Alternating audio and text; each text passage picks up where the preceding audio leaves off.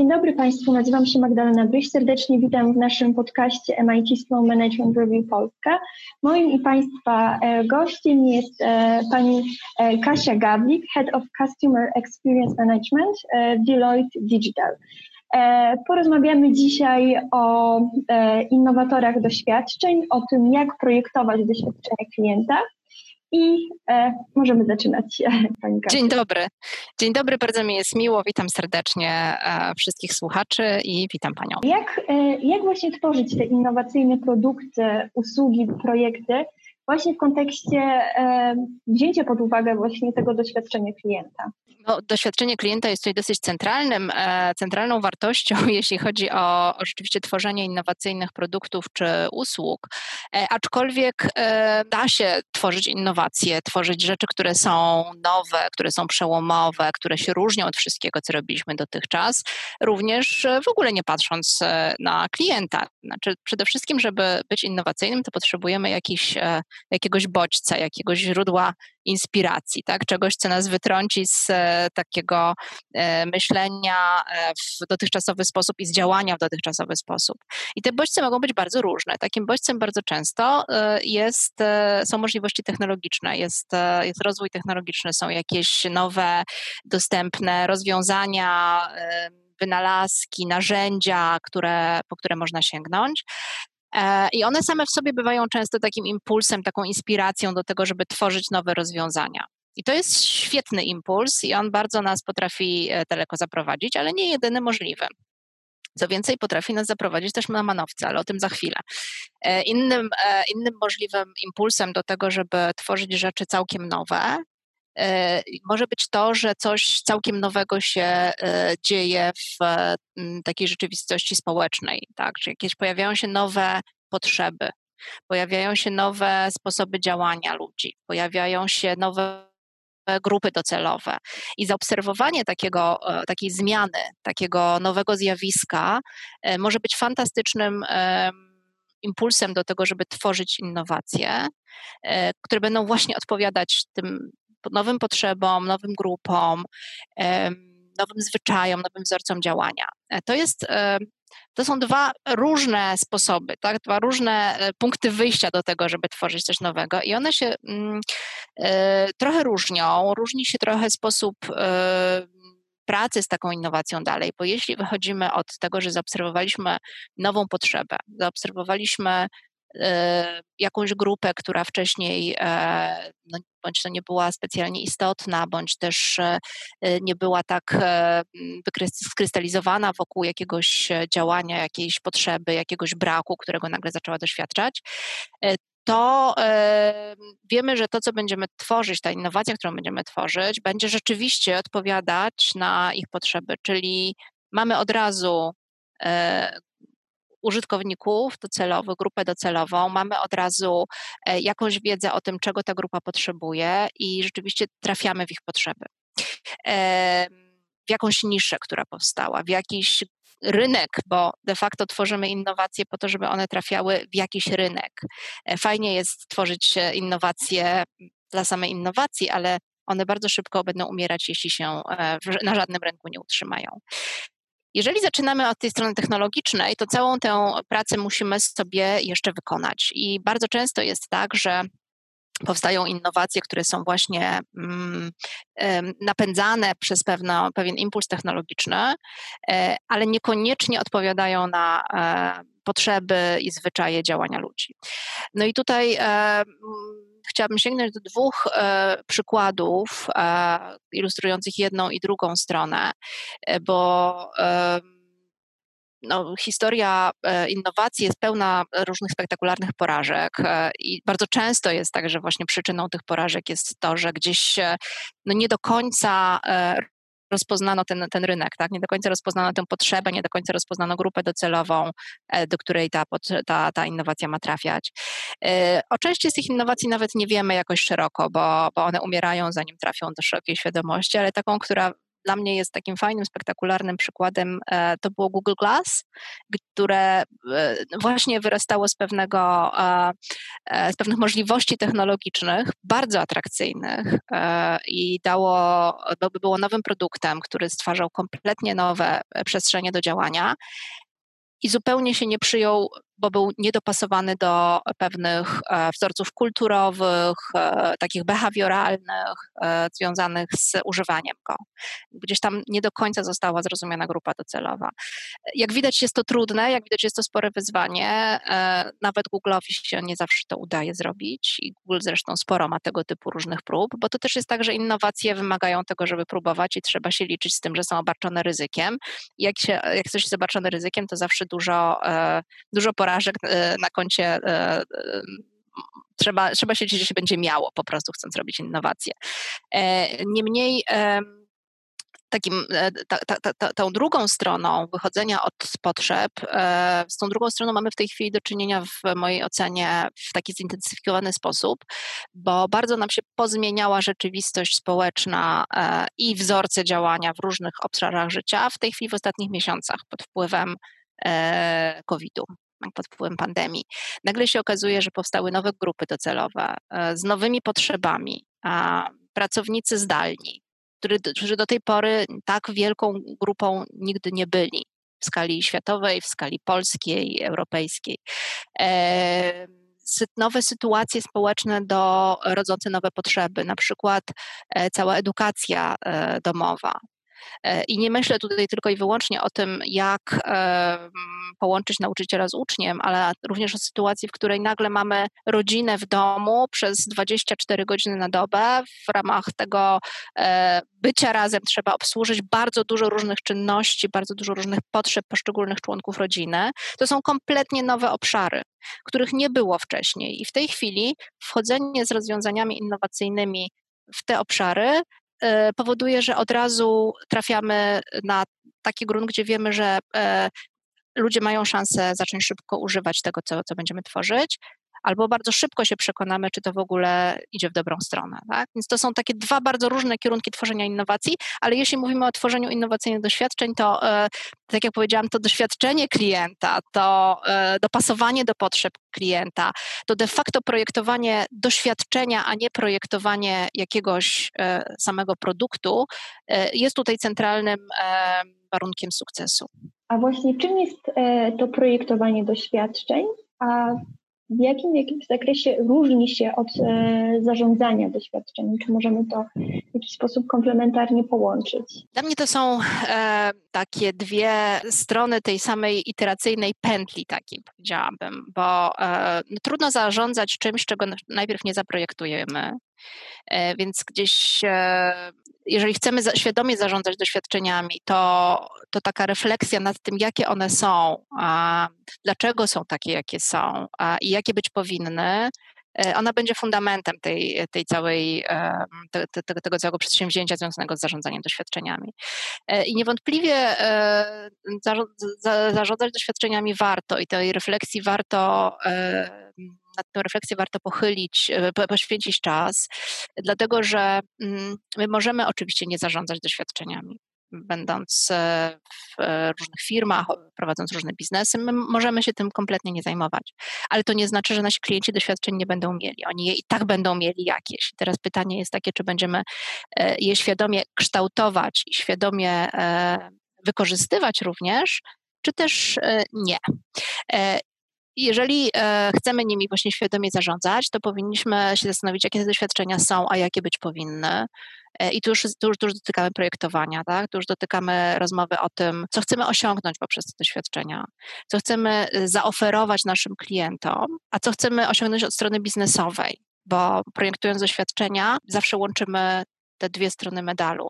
Ja bardzo, y, bardzo uczulam przed takim myśleniem, że y, customer experience to polega na tym, żeby uszczęśliwiać klientów i spełniać ich wszystkie marzenia. To nie do końca tak jest. Oczywiście klient, który jest y, zadowolony, jest klientem zwykle pod wieloma względami lepszym biznesowo. Ale mm, zarządzanie doświadczeniami klientów nie polega na tym, żeby wszystkich uszczęśliwić, bo wszystkich się uszczęśliwić nie da. Polega na tym, żeby e, świadomie wybrać grupę, z którą chcemy pracować, spriorytetyzować sobie przeróżne grupy klientów, wiedzieć w jaki sposób je zlokalizować w tej całej populacji naszych, naszych klientów. E, wiedzieć doskonale, jakie te doświadczenia dla tych klientów mają być, bo e, mówiąc bardzo trywialnie, możemy nagle zacząć płacić za wszystko naszym klientom. Będą szczęśliwi, ale to nie będzie miało kompletnie żadnego sensu biznesowego. No i teraz pytanie, to co będzie miało sens biznesowy, a jednocześnie da satysfakcję klientom w tym miejscu, w którym ją musi dać, e, a nie będziemy się zajmować rzeczami, które są mało istotne dla klienta. Tak? To jest ważne, żeby rozumieć, że są momenty, w których zadziałanie, e, zaopiekowanie klienta, dostarczenie czegoś ważnego ma ogromne przełożenie na tę relację, a są takie momenty, w których to przełożenie jest nieduże i nie ma sensu inwestować wysiłku, już nawet nie chodzi o jakieś e, inwestycje finansowe, ale nawet wysiłku, uwagi, nie ma sensu zawracać klientowi głowy też w momentach, w których e, nie będzie to e, istotne. Czyli chcąc dobrze zarządzać doświadczeniami, musimy wiedzieć, z którymi klientami chcemy pracować, w jakich momentach i co jest dla nich ważne. Przy czym, co jest dla nich ważne, zarówno, żeby spełnić taki, powiedziałabym, E, branżowe minimum, tak, żeby woda się lała z kranu, e, przysłowiowa, ale też w których momentach warto zawalczyć o tą wyróżnialność, o tę przewagę, w których momentach warto klientowi zaoferować doświadczenia, które będą zapamiętywalne i będą się wyłamywały z takiego e, typowego E, typowego doświadczenia w danej, w danej branży, z danym produktem, z daną kategorią. Czy, czy da się tak łatwo rozdzielić to zarządzanie i, i, i projektowanie? No myślę, że jak o tym mówię, to cały czas już słychać, że nie da się tego nie projektować. Tak, chcąc tym zarządzać, trzeba to projektować, ale jednocześnie na projektowaniu nie, nie można skończyć. Czy jeżeli zaprojektowaliśmy jakieś doświadczenia, to trzeba przede wszystkim monitorować, e, co się dzieje z klientami danych miejscach, w danych momentach. Tutaj bardzo pomocna jest, e, pomocnym narzędziem jest e, mapa podróży klienta przez naszą usługę, przez nasz produkt, e, która jest też de facto taką mapą zarządczą. Świetnie się sprawdza w tej roli. Pozwala zmapować te miejsca, które właśnie mają to kolosalne znaczenie dla budowania całości relacji, które decydują o tym, czy klient z nami zostaje, które decydują o tym, czy klient będzie chciał więcej kupować, mm, pogłębiać tę relację, przedłużać tę relację, czy też nie.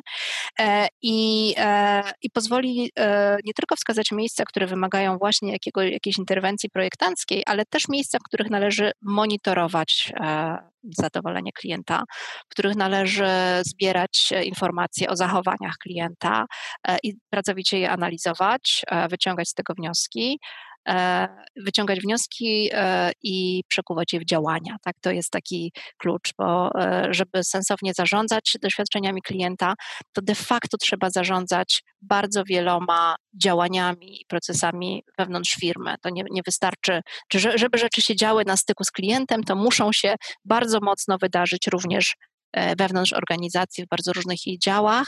I tutaj dotykamy trochę takiej, e, takiego, powiedziałabym, buzzwordu z ostatnich czasów, e, znaczy mówimy o budowaniu kultury klientocentrycznej w firmach, kiedy firma w całości jest świadoma tego, jak, jakie przełożenie ma doświadczenie klienta na wartość biznesu, E, a to przełożenie jest wyliczalne.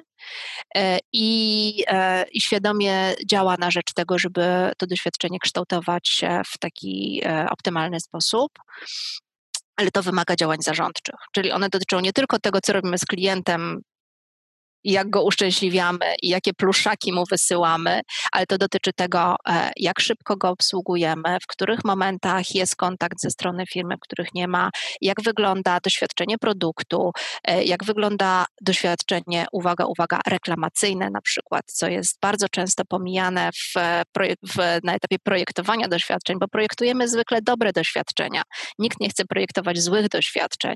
E, tymczasem one też są niesamowicie istotne, jeśli chodzi właśnie właśnie o tę relację klienta z firmą. To, te wszystkie trudne momenty, te wszystkie złe doświadczenia, to są momenty bardzo wysokich emocji. Klient, który operuje na wysokich emocjach, to jest klient, który, którego relacja z marką będzie nieobojętna. On będzie z całą pewnością również tworzył opinię o tej, o tej marce, będzie e, chciał się dzielić tymi swoimi emocjami z innymi ludźmi. I to e, właśnie doświadczenie klienta jest tym magicznym e, decydującym narzędziem, które pozwoli, które może pozwolić, jeżeli nim świadomie zarządzimy, zamienić te złe emocje i złą prasę, którą nam taki klient może robić, e, w dobre emocje i w to, że klient, który doświadczył trudności, ale spotkał się z e, odpowiednim potraktowaniem, będzie e, najbardziej zadowolonym, lojalnym ambasadorem naszej marki, jak tylko można to sobie wyobrazić. I część firm, część firm to potrafi już robić, część firm sobie z tego zdaje sprawę. To bardzo często często są takie mm, właśnie doświadczenia typu wow, doświadczenia typu zaskoczenie. Klient się bardzo mało spodziewa dobrego w momencie, kiedy e, zaczyna wchodzić na ścieżkę jakichś problemów z firmą. E, bardzo długo e, krążył po internecie na przykład krążyła w internecie relacja użytkownika Kindla, któremu się ten Kindle zepsuł w Polsce. I odkrył wówczas ten człowiek, że nie ma serwisu Kindla w Polsce. Jest to straszny problem. Jego złość narastała, został z zepsutym produktem i bez możliwości naprawienia go czy serwisowania w jakikolwiek sposób. Po prostu zorientował się, że dało się zrobić w Bambuko. Napisał e, bodajże na fanpage'u nawet, czy, czy gdzieś w, to nie była droga chyba oficjalnej reklamacji nawet i ku jego zaskoczeniu za kilka dni otrzymał do rąk nowego Kindla, bez żadnej dyskusji. I okazało się, że nie jest potrzebny serwis naprawczy, bo firma w ten sposób e, sprawy załatwia. Ich produkty są na tyle e, niewymagające e, ciągłego serwisu, że mogą sobie to pozwolić. I było to na tyle dużym wow właśnie dla tego klienta, że bardzo długo odnajdywałam w przeróżnych zakamarkach internetu tę relację właśnie na zasadzie polecania, jakimś, jakiś świetny serwis kliencki oferuje ta firma i jak warto kupować ich produkty. Wspomniała Pani e, o takiej wielopoziomowości e, zarządzania w firmach, korporacjach, właśnie związanych z doświadczeniem, z projektowaniem doświadczenia klienta. I jakby Pani mogła jeszcze opowiedzieć, jakie są te wyzwania mm, związane z, z taką wielopoziomowością? Jakie, jakie bariery możemy po prostu bądź też wyzwanie jako no, w kontekście też i problemów, jakie możemy rozwiązywać. I... myślę, że o tym mogłybyśmy mhm. bardzo długo rozmawiać mhm. e, i pewnie powiem o kilku rzeczach i, i, na pewno to nie będzie e, wyczerpujący tutaj przegląd różnych wyzwań. E, bardzo aktualnym wyzwaniem wydaje mi się w tej chwili, szczególnie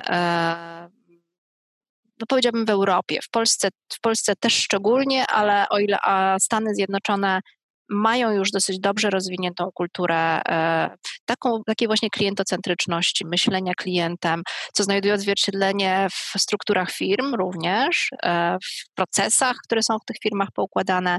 O tyle Europa się tego wciąż uczy i to właśnie widać e, bardzo mocno w tym, co się dzieje w tej chwili w dużych firmach, w, gdzie powstają działy zarządzania doświadczeniami klientów to do tej pory były często e, pojedyncze stanowiska albo działy zarządzania jakością.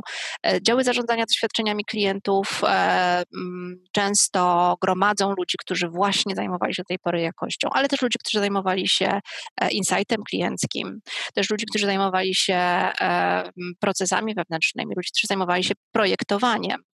UX-em na przykład, tak, user experience, ludzie, którzy zajmowali się kanałami cyfrowymi w szczególności, ale, ale przecież nie tylko. Tak bardzo różne kompetencje składają się na te powstające w tej chwili e, działy Customer Experience, czy działy zarządzania doświadczeniem klienta.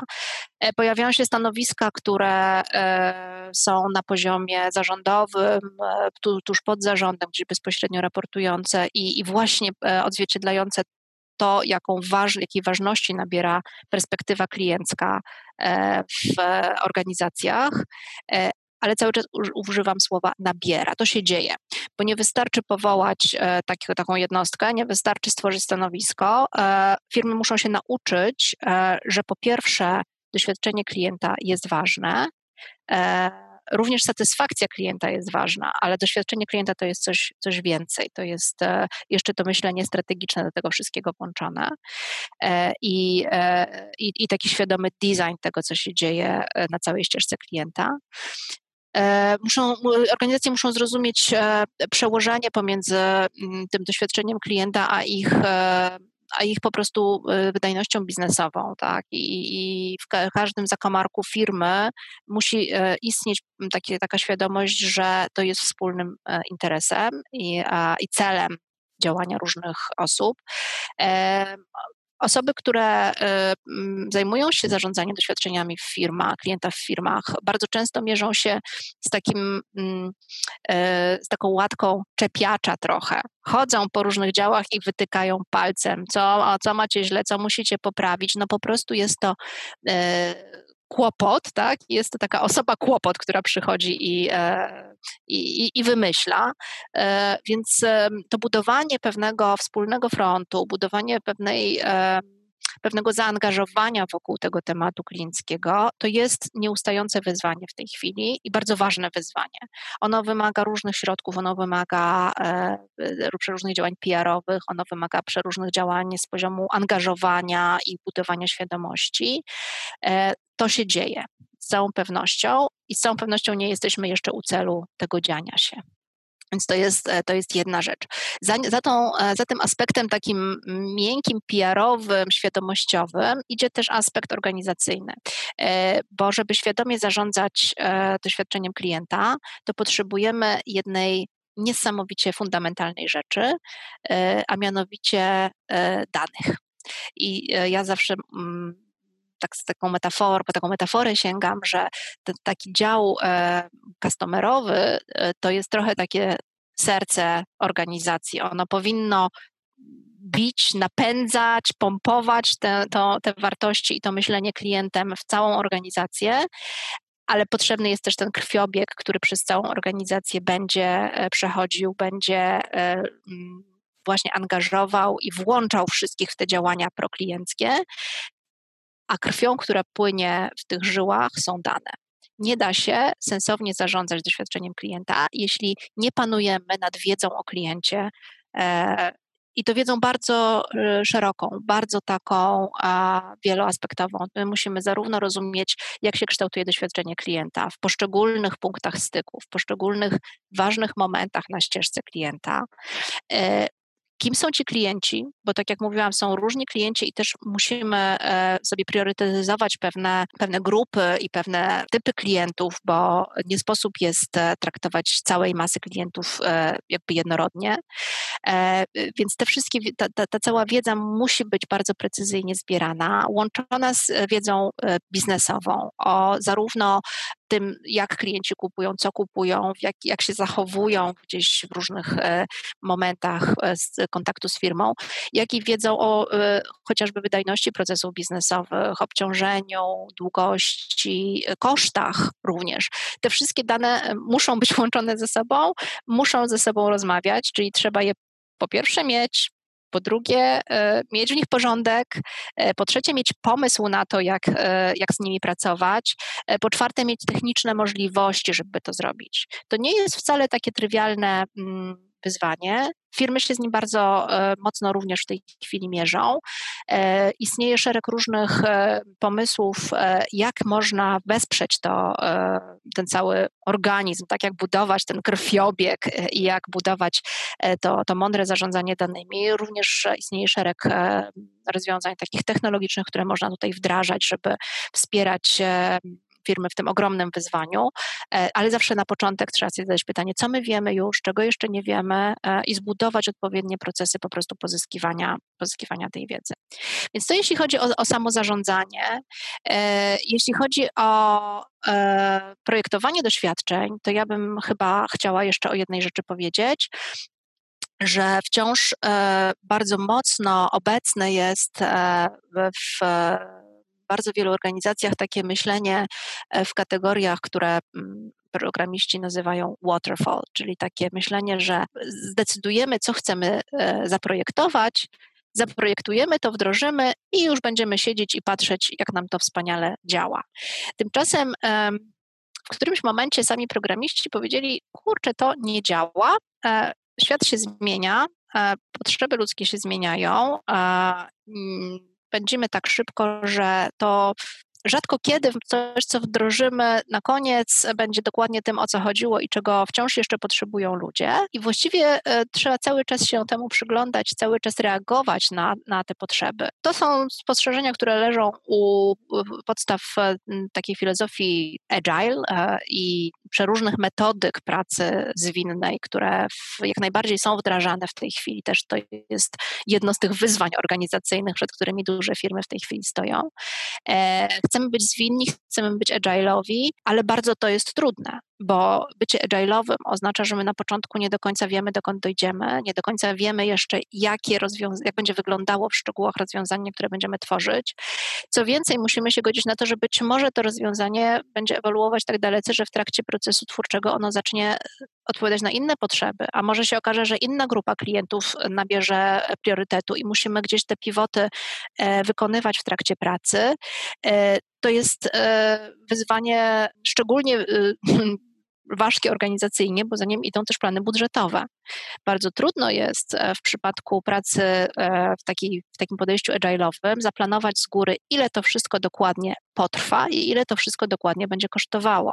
E, zwinne budżetowanie to jest całkowicie oddzielny, oddzielne zagadnienie, na które wcale nie, nie, niekoniecznie wszystkie firmy są, są dziś gotowe. No i w końcu to też oznacza zgodę na to, że w momencie, kiedy wdrażamy rozwiązanie, oddajemy usługę, produkt, jakieś cząstkowe, drobne rozwiązanie e, do rąk klienta.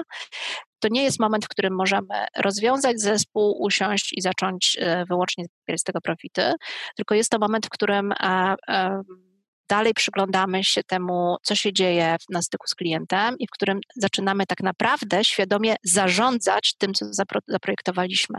A to zarządzanie jest wciąż zadawaniem sobie pytania, czy czegoś nie trzeba tutaj zmienić, czy czegoś nie trzeba tutaj poprawić, czy e, nie powinniśmy się w jakiś sposób dostosować do zmieniającego się klienta, zmieniającej się rzeczywistości, zmieniających się priorytetów biznesowych również. To jest wyzwanie, tak? To jest takie trzecie wyzwanie, o którym ja bym powiedziała e, tutaj e, w tym szybkim podsumowaniu. Bo, bo, bo, nie jesteśmy do tego jako organizacje mentalnie, ale i organizacyjnie tak do końca mm, gotowi.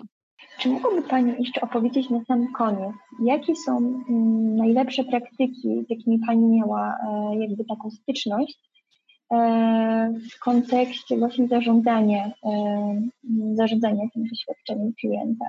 Mogą być to najlepsze praktyki, ale zarazem też jakby podanie przykładu takiego uczącego się, to znaczy gdzie, gdzie były jakieś problemy i, i i jak finalnie udało się po prostu je mm, po prostu pokonać. zawalczyć, tak, pokonać. Tak. E, no, myślę, że te najlepsze praktyki e, dzisiaj one są też e, mocno powiązane z tymi wyzwaniami, które, które towarzyszą branży no bo też siłą rzeczy tam, gdzie są wyzwania, tam też e, dużo e, uwagi przykładamy i dużo ciekawych rzeczy się dzieje. Tak jak sobie na początku mówiliśmy o innowacyjności, ona e, zawsze pociąga za sobą dużo trudności, dużo wyzwań, dużo potencjalnych porażek, ale na koniec im więcej tych porażek, tym ciekawsze i bardziej innowacyjne rozwiązania mają szansę mm, zostać wypracowane.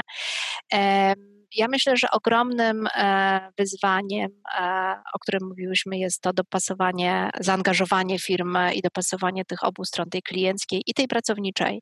E, I za tym idzie znowu w tej chwili dowartościowanie takiego myślenia o doświadczeniu pracowników jako drugiej stronie medalu związanego z doświadczeniem klientów.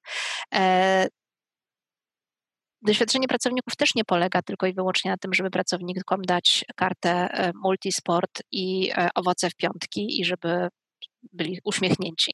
Doświadczenie pracowników polega też na tym, żeby dać im dobre narzędzia do pracy, takie, które będą faktycznie pomagały im realizować cele biznesowe, ale też dobrze obsługiwać po prostu klienta. To jest też jeden, jeden z bardzo ważnych e, aspektów. To jest też pewien rodzaj takiej transparentności i mówienia klientom, że dbamy o swoich pracowników.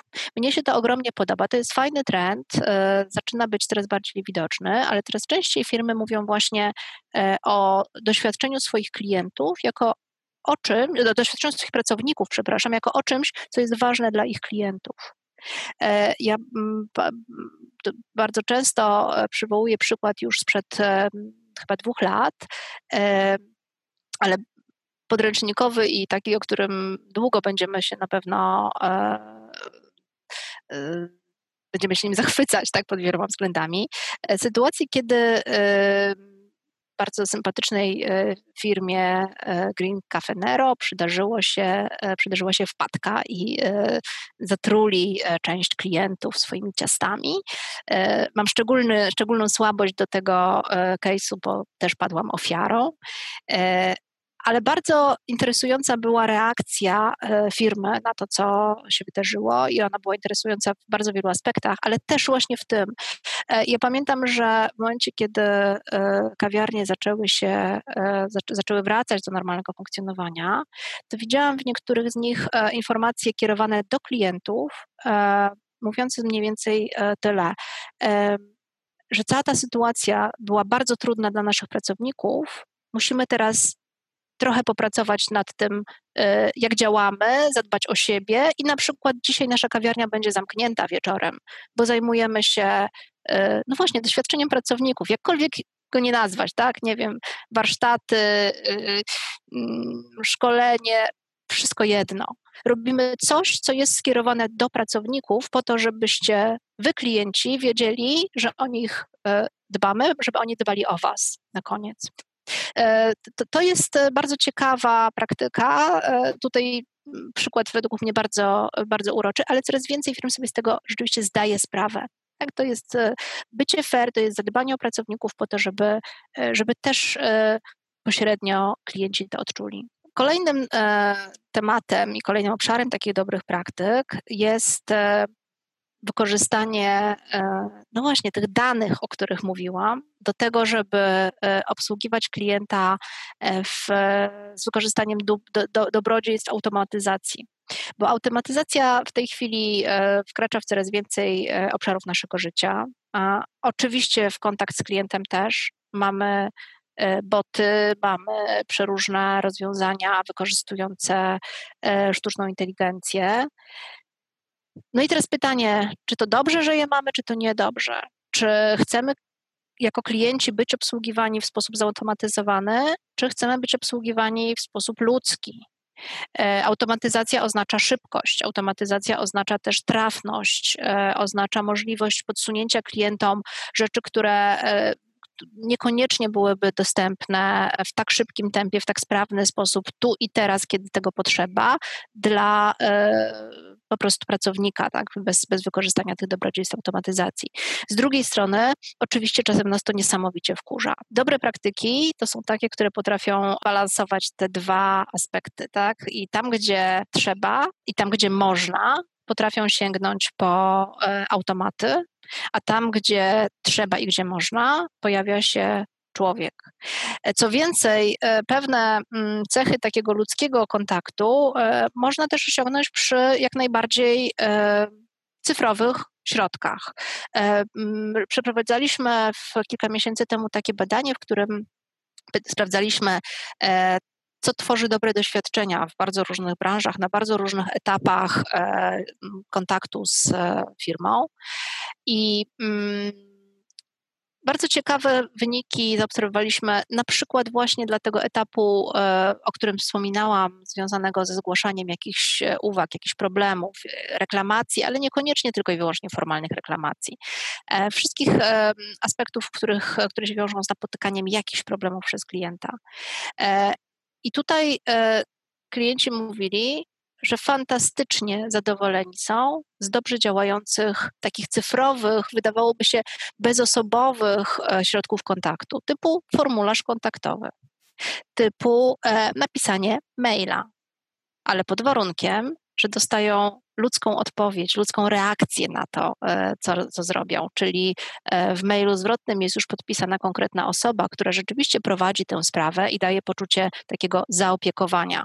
To rzeczywiście tworzy doświadczenia, które mm, odpowiadają dokładnie na potrzebę z jednej strony tej sprawności, którą nam daje, e, dają, dają środki cyfrowe, ale z drugiej strony e, tej, tej ludzkiej twarzy i tego ludzkiego zaopiekowania. No i w końcu e, ostatnia rzecz, e, o której bym chciała do, po, powiedzieć jako o takim dobrym przykładzie, e, który czy, czy, czy, czy tym zespole dobrych praktyk, które w tej chwili możemy obserwować, to są praktyki związane z omnikanałowością. I to jest coś, co znowu sensownie poprowadzona omnikanałowość jest uwarunkowana tym, e, żebyśmy sensownie korzystali z danych, bo nie da się klienta prowadzić przez różne kanały, a to jest istotą omnikanałowości, żeby ten klient mógł poruszać się w różnych kanałach i, e, i, i, i, wciąż był tym samym klientem, wciąż był rozpoznawany jako ten sam klient. Tak? Nie da się tego e, egzekwować, nie mając dobrego zarządzania dany, danymi i nie widząc jakby tych danych idących za klientem poprzez poszczególne kanały. Są firmy, które to potrafią e, bardzo, bardzo ładnie robić. To są restauracje, które już w tej chwili potrafią rozpocząć relację z klientem w kanale online'owym E, zebrać zamówienie, obsłużyć klienta w takim zakresie, który zwykle w tym doświadczeniu e, restauracyjnym jest taki trochę irytujący, bo to jest czekanie na kelnera, to jest czekanie na menu, to jest czekanie na stolik. To wszystko można przenieść do sfery online'owej a potem temu klientowi w momencie, kiedy wchodzi do próg restauracji, zaoferować już wszystko gotowe i e, esencję tego dobrego doświadczenia, e, po które tak naprawdę przychodzi. E, ale to wymaga, no właśnie, to wymaga bardzo dobrego poprowadzenia wiedzy o tym kliencie i o jego potrzebach przez różne kanały być może cyfrowe, być może telefon. Ten, ten, ten kanał również bezpośredni. E, coraz więcej tego typu doświadczeń e, wdrażają też e, takie firmy jak na przykład banki. Coraz częściej się to dzieje. Można jedną sprawę załatwić w, przechodząc poprzez różne kanały. I muszę powiedzieć, że coraz więcej takich, takich dobrych przykładów omnikanałowości obserwujemy też w administracji publicznej, co jest bardzo ciekawe. To jest taki sektor, który w tej chwili też bardzo się no, unowocześnia i bardzo się zmienia właśnie w takim duchu klientocentrycznym, jesteśmy w stanie wykorzystać paczkomaty na przykład do tego, żeby wydawać e, pomoc społeczną. E, kompletnie nowe kanały łączące się z dotychczasowym ekosystemem punktów styku z klientem w bardzo ciekawy sposób.